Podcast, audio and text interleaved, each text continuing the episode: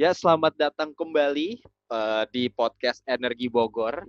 Kembali lagi bersama gue, Arif Ajaslistio, uh, bersama uh, teman-teman dari Energi Bogor.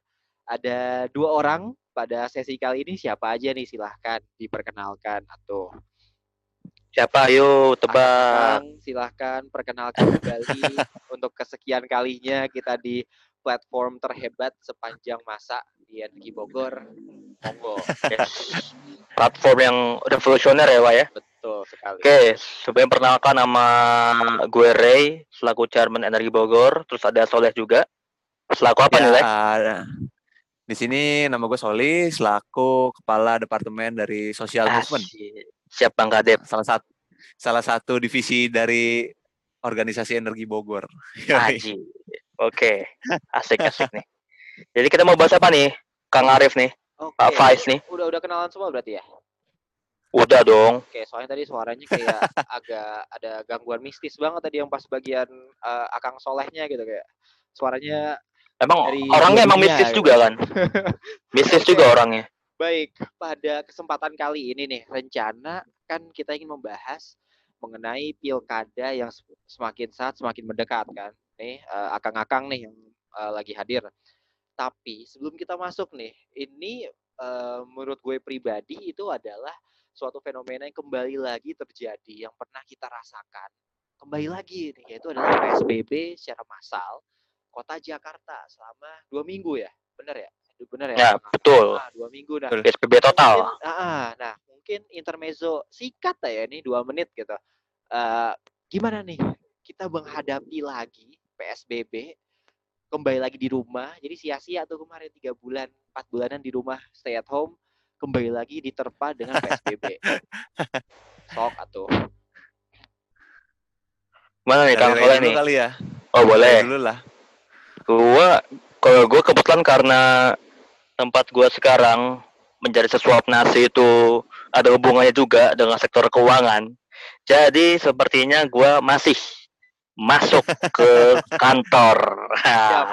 Tapi aja begitu sih, masih masuk berpromovis. Tapi jamnya dikurangin. Ya yang penting protokol kesehatannya dijaga, hand sanitizer harus siap siaga terus, masker juga. Sama yang penting mungkin kalau untuk beberapa tempat harus disediakan tes lagi lah, tes rapid yang rutin atau gimana gitu kan. Apalagi yang beraktivitas di luar. Kalau gua sih gitu sih. Kang Soleh gimana nih? Dan Kang Arif nih. Ya, uh, apalagi kalau lu kan mencari sesuap nasi di Jakarta ya, Greg. Kan tempat tinggal lu hmm. di Bogor. Nah, Betul. berarti gue salah satu orang uh, anggota Energi Bogor yang tinggal di Jakarta. Betul. Nah, Jadi, ini ini menarik makanya nih. Oke. Okay. Ini lebih menantang lagi sih kalau buat gue dalam mencari pekerjaan, Pak. Betul, pasti. Jadi apalagi di kala PSBB nih, Pak ya. Iya Pak, posisinya hmm. saya kan lagi sedang mencari pekerjaan juga nih. Tapi belum kunjung ada, ada titik terang Pak. Mas. Dan itu Anda bisa langsung dapat saat itu juga. Mau nggak pekerjaannya? Apa tuh? Pak, boleh tuh, Apa? boleh tuh. Apa nih? Lawan bercanda nih. Covid. Mau nggak? Itu Aduh. itu dibayar pemerintah loh Mas. Itu Anda berbakti. Nah, kalau oh, iya betul, betul. Benar, betul, betul. Relawan, relawan Covid itu adalah salah satu inilah apa sih bentuk ya, bakti lah. Dan ini ya, bentuk bakti, ada dua mengabdi. Ya. Ini ada dua ya, ya, yaitu relawan yang memang kerja dengan nakes sama relawan yang imunisasi. Nah, maksud saya imunisasi betul, aja. Betul, itu Jadi, pekerjaan yang bagus. Nah, tapi itu. Jadi untuk tapi tes, ini Pak, uh, vaksin Covid Pak ya.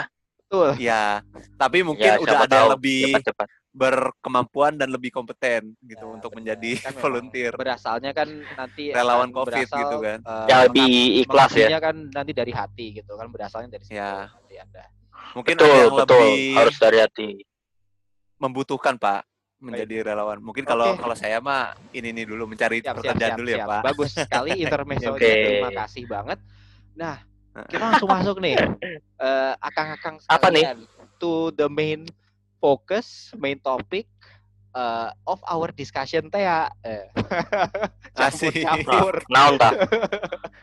Naon ta discussionnya? Baik. Um, kan sedikit lagi kita akan menghadapi pilkada nih, ya kan? Um, Betul.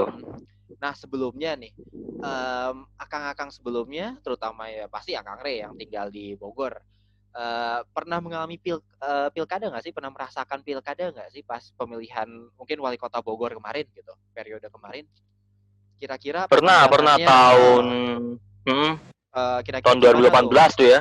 2018. Nah kira-kira gimana tuh hmm. apa, uh, euforianya saat itu salah satu pesta demokrasi di kota Bogor? Oke. Kalau gue sih waktu itu kita menarik ya karena pas kemarin pemilihan wali kota itu ada empat empat paslon kemarin. Hmm. Dengan ada satu yang independen, itu menarik, ada dari jalur independen. Tapi uh, sebagaimana nasib dari orang yang independen ya biasanya oh. tidak melenggang mulus, jadi itu yang terjadi juga. Dan kemarin uh, dimenangkan oleh petahana ya, Kemarin uh, pengalaman ikut pilkada kan kemarin untuk uh, pemilihan wali kota dan gubernur ya kemarin ya.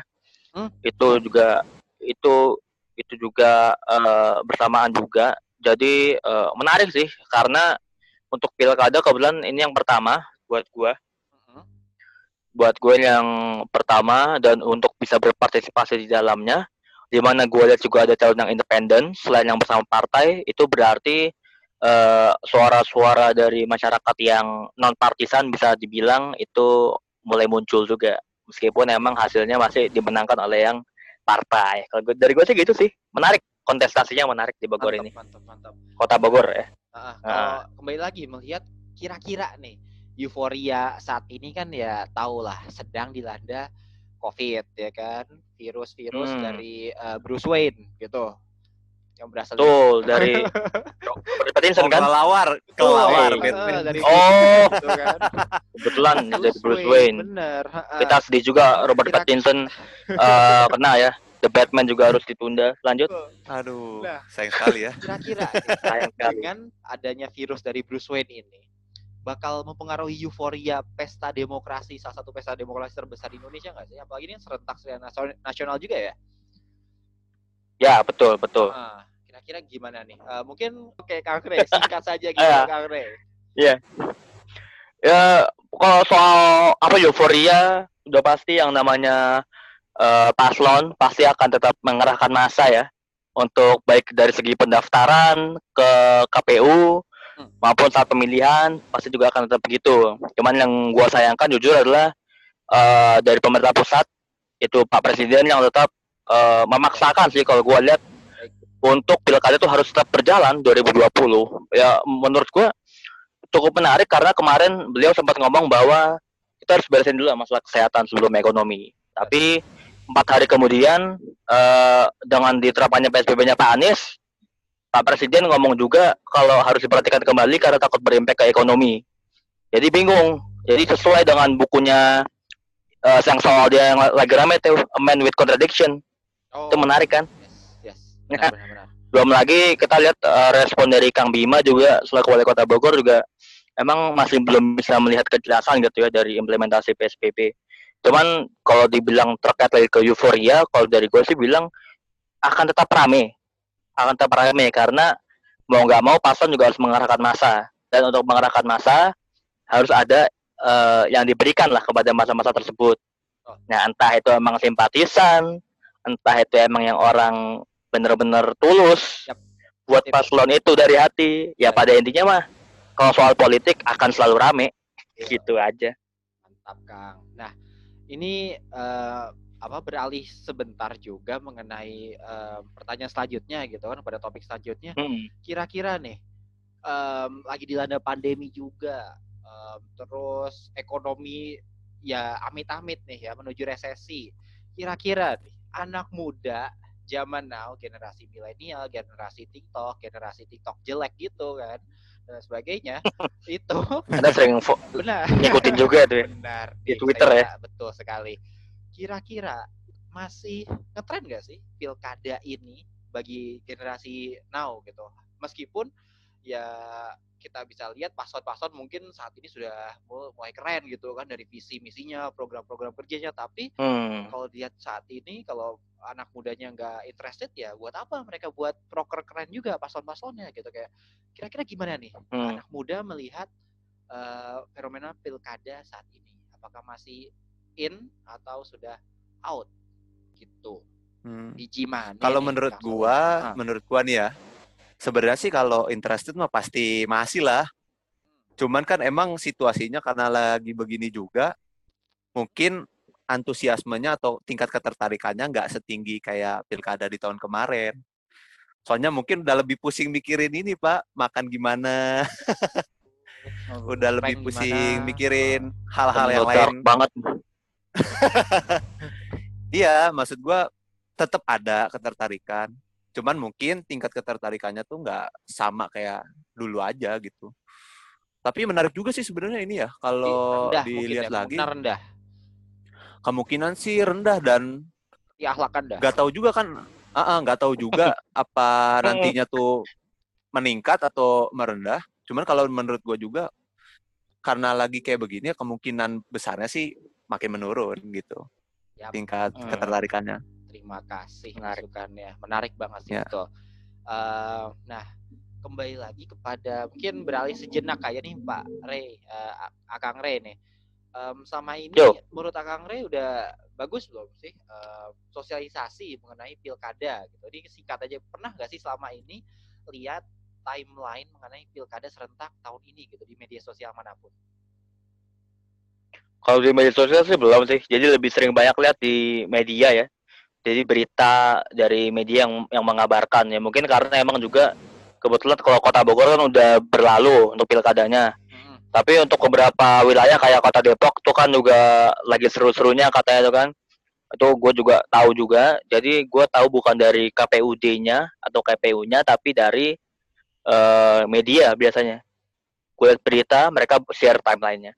Itu sih. Jadi, Untuk mungkin- sosialisasinya sih sebenarnya udah cukup bagus ya, karena kan semua serba digital. Ya cuman karena kebetulan gua di kota Bogor, kita di kota Bogor, jadi kita nggak seberapa update untuk timeline yang di kota lain gitu aja sih. Oke, siap. Berarti mungkin ke depannya nih ya, dari pihak pemerintahnya tersendiri di media sosialnya mungkin bisa ditingkatkan lagi gitu. Mengenai timeline-timelinenya kira-kira kapan ya, kan? Atau bisa pakai platform-platform lain, TikTok, atau platform Nah, apa? Oh iya. untuk men-share. gitu kan. Kan sekarang Iya. happening, happening, menarik. Ya walaupun walaupun mungkin kelihatannya unik tapi ini bisa jadi apa ya? Kalau menurut gue sih salah satu terobosan baru ya bisa buat ditiru-tiru nanti sama daerah-daerah lain gitu. benar. Itu karena unik bisa positif atau negatif. Betul. Iya, Kalau positif bagus. Joget-joget gitu kan. Nah, bebas. Yang Bebas. Atau atau mungkin atau mungkin joget apa? Joget ala baby shark kan? Kayak Kang Bima Ya. dulu sempat Oh, iya iya cuci tangan. atau goyang cuci tangan juga Bener, sempat bener. juga itu kan rame gak apa-apa Nah. kalau mau gitu yang penting pesannya Tapi- nyampe kan Betul, tapi dimodifikasi juga Pak. Joget-joget baby shark tuh sambil ngasih ini jadwal kampanye, Pak. itu saya kembalikan ke tim kreatif masing-masing KPU dia aja lah sebagusnya mereka ya aja lah ya. Baik, baik, yang baik. penting sosialisasinya berjalan Benar, Betul. benar. Optimal ya. Tapi yoi betul, idenya keren-keren juga nih anak-anak energi. Pasti uh siapa dulu wakilnya Wakilnya lagi ini Pak saya jadi host kita wakilnya. nih. wakilnya Pak Maruf Amin oh bukan Bukan. Itu Oke. wakil Presiden Republik Indonesia, Pak. siap Baik, baik.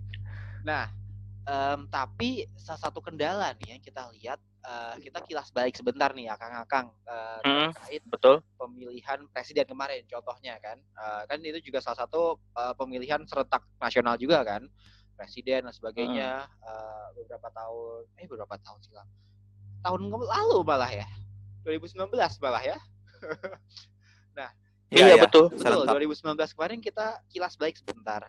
Beberapa em, kejadian yang mungkin kurang mengenakan khususnya dalam pemilihan seperti ini yang bisa menjadi bahan evaluasi adalah Hmm. banyaknya eh, volunteer-volunteer atau dari pihak-pihak KPU yang tidak kuat secara fisik eh, sehingga banyak berjatuhan korban juga kemarin kan sayangnya itu menjadi catatan yang cukup buruk juga pas eh, pemilihan serentak kemarin 2019. Hmm. Eh, mungkin di sini akang-akang gimana sih pendapat soal itu atau sebelumnya pernah ada pengalaman em, apa menjadi pengawas ataupun volunteer dalam pemilihan serentak itu seperti apa dong Eh, mungkin bisa diulas eh, secara menyeluruh sih mengenai ini karena ini me- menurut eh, Aing teh agak apa sensitif juga karena ke depannya kalau tidak dievaluasi ya takutnya semakin banyak terulang korban. kembali Heeh, betul. Betul, Nah, betul. coba dong di Iya, iya. sedikit akang-akang gitu. Kang Soleh silakan Oh ya, ini karena kebetulan gue juga pernah Rif jadi salah satu apa anggota Paslon. panitia gitu. Oh, panitia. Iya, lanjut lanjut. Bukan paslon, Pak. Jadi iya, waktu itu kebetulan gue jadi salah satu anggota panitia di eh, pemilihan tempat TPS gua itu Hmm. waktu tahun 2019. Pas tapi sorry sorry untuk untuk TPS-nya tempat pembuangan ini eh, sampah ya Setan, Bukan. Setan, tempat bumbung Apa? setan. oh oke Tempat- oke terus tempat Kang Soleh lanjut. pemilihan, Pak. oh tempat pemili- pemilihan pemungutan suara Kang Soleh Ya, tempat pemungutan suara betul. Lanjut udah lanjut dikoreksi. Sampai lupa. Ya, jadi saking saking hektiknya mungkin saat itu jadi panitia lanjut Iya, cukup ini sih kalau menurut gua cukup banyak yang harus dievaluasi juga. Mungkin itu jadi Hmm. refleksi ke depan juga buat nanti kalau emang lagi ada pilkada serentak nanti. Karena menurut gua emang ketika jadi volunteer di pemilihan itu itu tuh cukup menurut gua chaos juga sih. Karena apalagi kan sistemnya baru tuh waktu itu pem- pemilihan serentak ini. Dan itu pasti prosesnya lama kan, proses pemilihannya bisa sampai se- hampir seharian mungkin. Jadi di tempat pemilihan itu sendiri gitu. Nah, tugas yang terberatnya apa tuh, Kang? tugas yang terberatnya adalah ini sih lebih buat ngitung suara sih. Karena yang lu hitung kan bukan cuman misalkan kayak pemilihan DPD-nya doang kan, entah DPRD-nya, entah Tapi DPR apa, juga, amal dan ibadah juga pemilihan dihitung. presiden. Eh, sama ini, Enggak, Udah, gua- gua udah gak bisa. Bagus.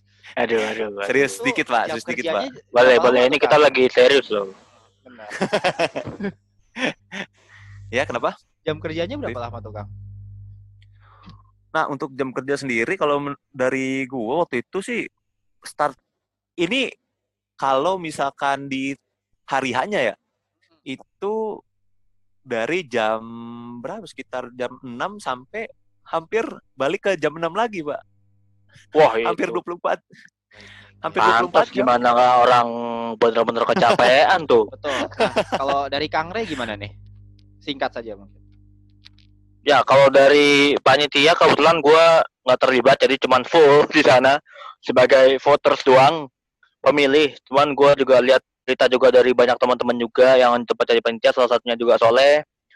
Dan beberapa teman gue yang lain ya evaluasinya adalah mungkin eh, lebih kepada mungkin ya istilahnya sudah tahu saat itu serentak udah pasti personel harus Ya, diperbanyak diba- lah. diperbanyak betul. ya kan? Betul ya Kang ya? Hmm, karena kan iya. serentak. Mungkin kalau cuma presiden doang nggak masalah.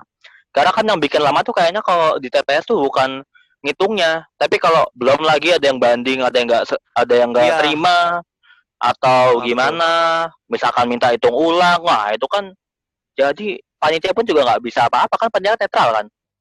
Ya, disumpah untuk netral untuk ya udah maksudnya kalau jika emang ada diperlukan ya dilakukan. Tapi kalau emang pemerintah tahu itu serentak ya mbok harusnya dari segi tunjangannya dan personel ditambah. Ya mungkin wajar lah karena ini kan yang pertama kali kan pilkada dan pemilihan presiden Iya. serentak kemarin. Ya mungkin memang dari waktu lebih efektif. Ya tapi kita lihat ternyata dari waktu yang efektif tersebut banyak orang yang udah kelelahan. Sampai Iya, kita dengar cerita sedih pak ya sampai ada yang meninggal dunia itu harus Iya, dijadikan dan- catatan serius. Betul. dan juga harus ini sih menurut gua tuh kayak harus ada apa ya suatu mungkin tes kali ya tes kesiapan Medical gitu kan ya untuk untuk panitia. Apakah ada, Ah, ada karena- apa darah tinggi darah rendah itu penting juga itu. Ka- karena yang terlihat kemarin kan kayaknya cuman asal ambil aja kan dari siapa yang mau bersedia kan. Ya walaupun istilahnya volunteer tetapi menurut gua sih ada baiknya juga untuk dikomunikasikan gitu loh ke tiap-tiap RT atau RW yang ingin menyelenggarakan bahwa sebenarnya penting Hmm. juga latar Ah, belakang kesehatan tuh untuk menjalani kegiatan si pemilihan itu sendiri. Apalagi itu juga mungkin gue lihat beberapa tempat juga di RT atau RW yang mungkin yang diajak ya cuma orang-orang yang dekat aja.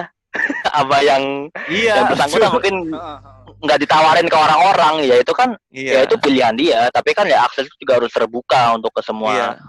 Uh, pihak juga gitu sih mungkin menurut gua sih. ke depannya ketimbang fisik aja mungkin psikis juga bermain uh, peran yang Psikis sangat lebih penting, juga, gitu kan. psikis. Nah, apalagi kan Psikis juga. Iya, tekanannya betul sih. banget. Misalkan, Salah satu faktornya juga. uh, wah itu perhitungannya salah tuh wah kalau psikisnya nggak kuat bahaya Nah, iya. tapi tapi gua gua tahu juga nih Kang Arif nih eh Kang Soalnya juga udah sempat ada pengalaman dulu jadi panitia milihan juga di kampus jadi mungkin dia udah banyak, banyak berlatih kayaknya Tapi Dari ternyata ini Pak, universitas apa ternyata sangat beda dengan yang gue pikirkan Pak. sangat beda Lebih, ya se- lebih capek. dikit-dikit lah dikit-dikit lah Ya mungkin ada mirip beberapa lah. dari Oke, pengalaman siap, yang siap. terpakai lah. Gitu. Baik, baik, Oke. baik. Nah, em, sekarang kita beralih eh, kembali eh, akang-akang eh, khususnya mengenai output dari pilkada maupun pemilihan ini gitu di mana tentu pemilihan adalah bagian dari demokrasi kan di mana kita adalah rakyat yang menitik beratkan pada keadilan demokrasi juga dengan melalui pemilihan.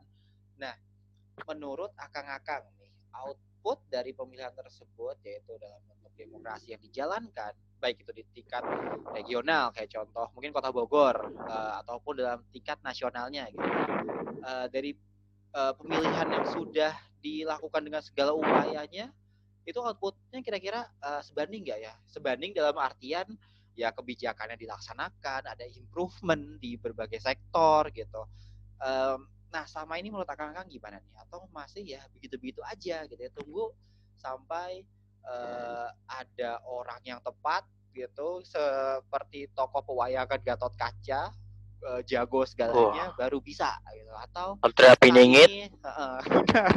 atau selama ini ya mungkin oh sudah ada perbaikan sedikit gitu. mungkin bisa dikembangkan lagi ke depannya gimana nih menurut akang-akang karena ini udah masuk sesi terakhir eh, maksimal lima menit jadi dua setengah dua setengah masing-masing let's go waduh kayak debat pilkada nih ya boleh pilkada Kayak debat capres ya.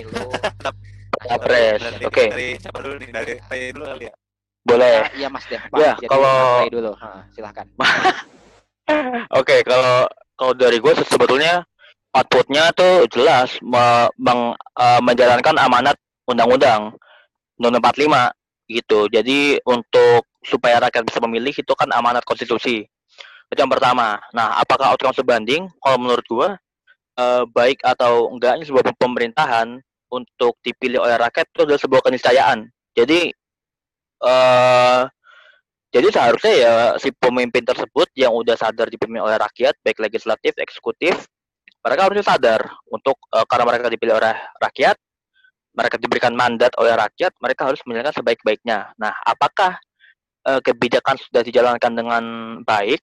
Eh, ini jelas pro dan kontra ya. Cuman kalau saat ini gue melihat eh, cukup banyak dikecewakan juga oleh eh, banyak kebijakan yang sudah berjalan ya banyak hal mengenai kesehatan ekonomi khususnya investasi. Itu jadi perhatian orang-orang tuh lebih banyak dititik beratkan kepada masalah yang tidak terlalu esensial. Maksud gua eh, maksudnya adalah saat ini buat gua kesehatan penting tapi masih aja ada yang mikirin lebih banyak mengenai gimana nih kalau misalkan kesehatannya pulih tapi ekonominya nggak pulih. Ya sekarang pertanyaan kalau misalkan eh ekonominya pulih tapi orang-orangnya udah nggak ada gimana? Manusianya habis gimana? Oh iya satu, Dengan satu penyakit, lagi ya, dengan- transparansi. Eh, Apa tuh? gimana tuh transparansi gitu aja. Nah, Oke. kelupaan. Gitu. Kalau sekarang kan udah udah eranya yang namanya e-governance ya. Maksudnya pemerintahan yang udah semuanya berbasiskan elektronik, digital, jadi eh, transparansi mengenai informasi itu kita bisa akses dengan baik kalau buat gua saat ini. Tapi yang cukup eh, menyedihkan adalah meskipun keterbukaan informasi ini banyak, tapi eh, kebebasan kita untuk memberikan reaksi atas informasi tersebut dibatasi oleh banyak hal. Contohnya adalah masalah karet UU ITE. Itu salah satu hal aja yang gua garis bawahi. Jadi meskipun keterbukaan informasinya lebar, tapi keleluasan kita untuk bereaksi terhadap informasi itu juga terbatas. Jadi ya gitulah. Jadi kita eh, cukup biasa cukup prihatin juga. Tapi untuk saat ini gitu aja. Mantap statementnya Kang. Ini DPR sudah sepertinya memanggil nih gaya bahasanya. Wah, politisi sekali ini. Luar biasa. Waduh, biasa. ngeri. Calon-calon Jangan. dipilih gitu. Kalau Kang Soleh mungkin lebih politis ini. Kok dari Kang Soleh gimana nih? Lanjut, betul. Kang Soleh, gimana pendapatnya? tentang output ya. Menurut gua harus dinilai dari dua sisi juga sih. Kadang mungkin ada yang menguntungkan dan mungkin kadang ada kebijakan yang dirasa kurang menguntungkan juga. Jadi sebenarnya sih kalau menurut gua eh, dilihatnya juga akhirnya pro kontra juga ya. Gitu. Betul, Kang. Betul. Jadi mungkin ya kayak mungkin bisa ambil contoh kayak pemilihan ini kali ya di tahun 2019 juga misalnya nih yang sekarang yang terpilihnya Presiden Jokowi ini dan kalau kita lihat kan kemarin emang kayaknya fokusnya Pak Jokowi juga itu kan tentang meningkatkan perekonomian kan.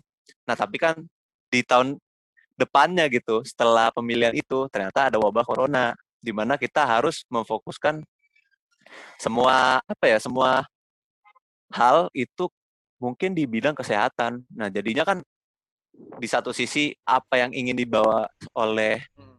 pemerintahan yang terpilih itu agendanya adalah ekonomi, tapi di satu sisi situasi harus memaksa kita harus mengeluarkan kebijakan meng- mengenai sebuah kesehatan gitu kan.